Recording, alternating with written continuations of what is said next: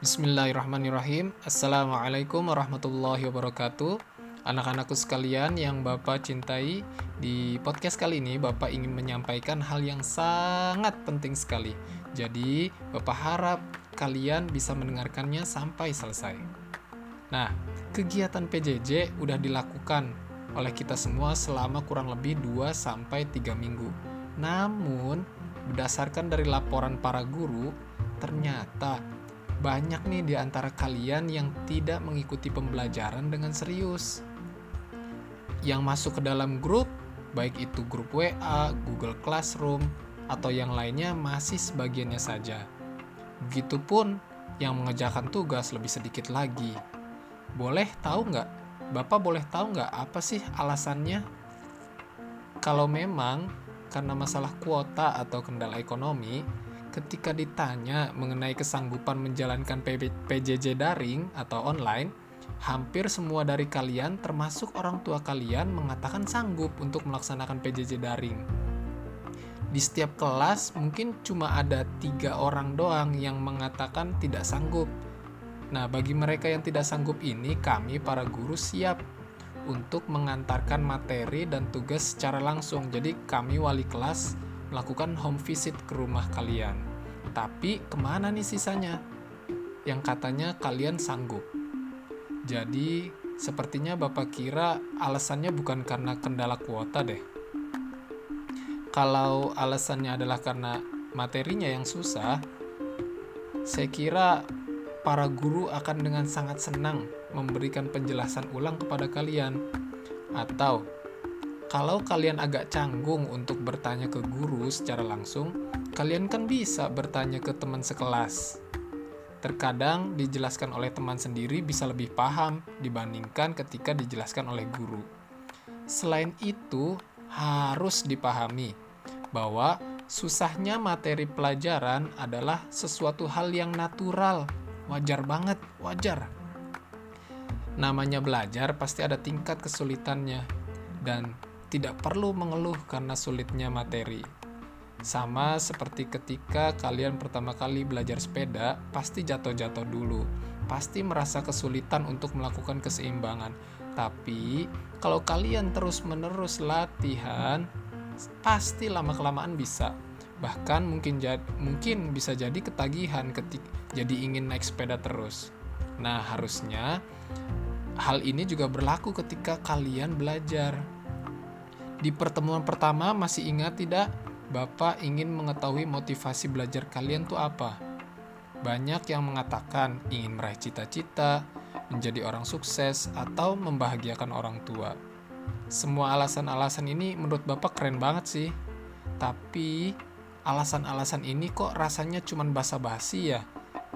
Karena secara kenyataan banyak di antara kalian yang kurang serius nih untuk ngikutin pelajaran online Padahal tahu nggak, guru-guru kalian ini yang notabene orang-orang yang udah pada tua, mereka tuh harus bersusah payah untuk mempelajari cara mengajar online.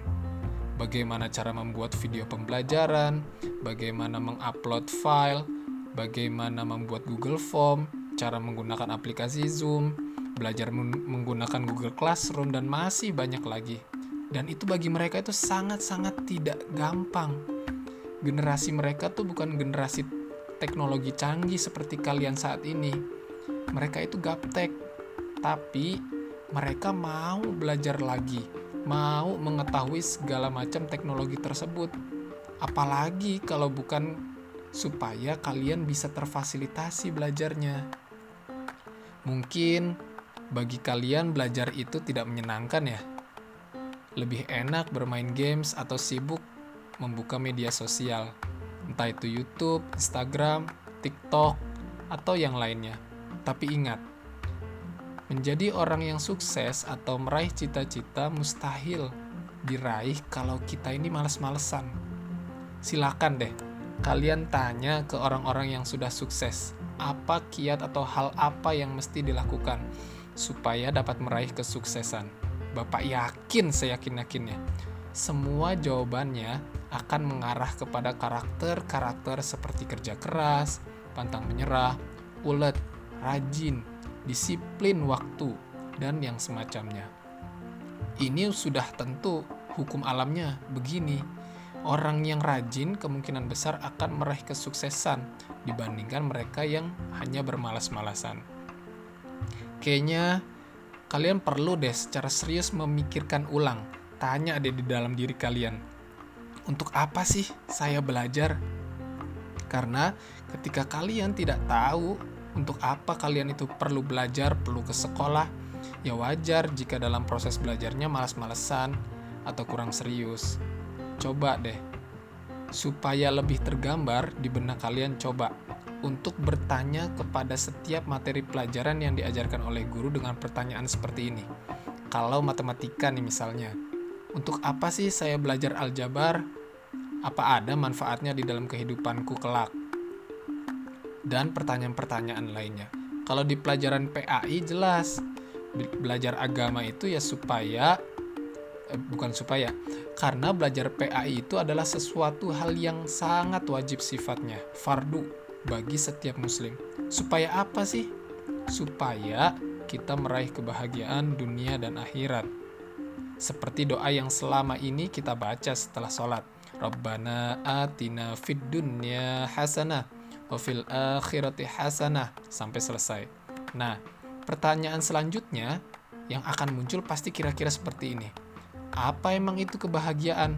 Sampai-sampai kita harus meraihnya apakah kebahagiaan itu kesukses kebahagiaan atau kesuksesan itu adalah keadaan di mana kita bergelimang harta atau ketika kita bisa berbelanja apa pun yang kita mau atau apa nah ini mah tugas kalian untuk mencari sendiri untuk memikirkan sendiri apa itu sebenarnya kebahagiaan dunia akhirat saran dari Bapak meskipun di awal-awal fase belajar kalian masih merasa terbebani biarkan aja Terus aja belajar, sampai pada akhirnya kalian akan mencintai ilmu tersebut. Bapak juga dulu pernah merasakan hal itu. Dulu Bapak tidak suka dengan belajar bahasa Inggris, rasanya sulit banget mengerti materi-materinya. Tapi proses belajar itu terus Bapak jalani. Bapak terus belajar sampai akhirnya lama-kelamaan Bapak jadi suka, jadi cinta sama pelajaran bahasa Inggris. Hari ini, walaupun Bapak belum bisa berbicara secara fasih bahasa Inggris, tapi ya setidaknya Bapak terbiasa membaca buku-buku bahasa Inggris atau nonton-nonton film bahasa Inggris dengan subtitle bahasa Inggris, nggak perlu subtitle Indonesia. Saran lain dari Bapak nih, sub cobalah kalian untuk bisa bergaul dengan orang-orang yang positif, yang memiliki arah visi misi hidup yang jelas. Intinya, bertemanlah dengan orang yang bisa mempengaruhi kita ke arah yang lebih baik dan benar. Walaupun di masa-masa physical distancing ini, Bapak kira dengan canggihnya teknologi sudah tidak menjadi halangan lagi nih untuk tetap berinteraksi dengan teman-teman secara positif. Belajar deh bareng dengan dia. Membahas materi-materi pelajaran yang menurut kalian sulit, ngerjain tugas bareng, secara online ya maksudnya dan juga saling mengingatkan dalam beribadah. Ini penting banget. Bapak nih bisa sampai di sini ngajar agama Islam di SMP 12 karena dulu Bapak pernah ketemu dengan sahabat atau dengan teman yang selalu ngajakin Bapak semangat untuk belajar dan juga semangat untuk beribadah. Jadi menurut Bapak, teman itu sangat berpengaruh terhadap perkembangan pemikiran dan tindakan kita. Terakhir dari Bapak, tidak ada kata terlambat. Yuk, hijrah, berubah menjadi pribadi yang lebih baik, lebih positif, lebih bersemangat, dan tentunya lebih religius. Kami, para guru, semuanya sangat menunggu bukti semangat kalian dalam belajar.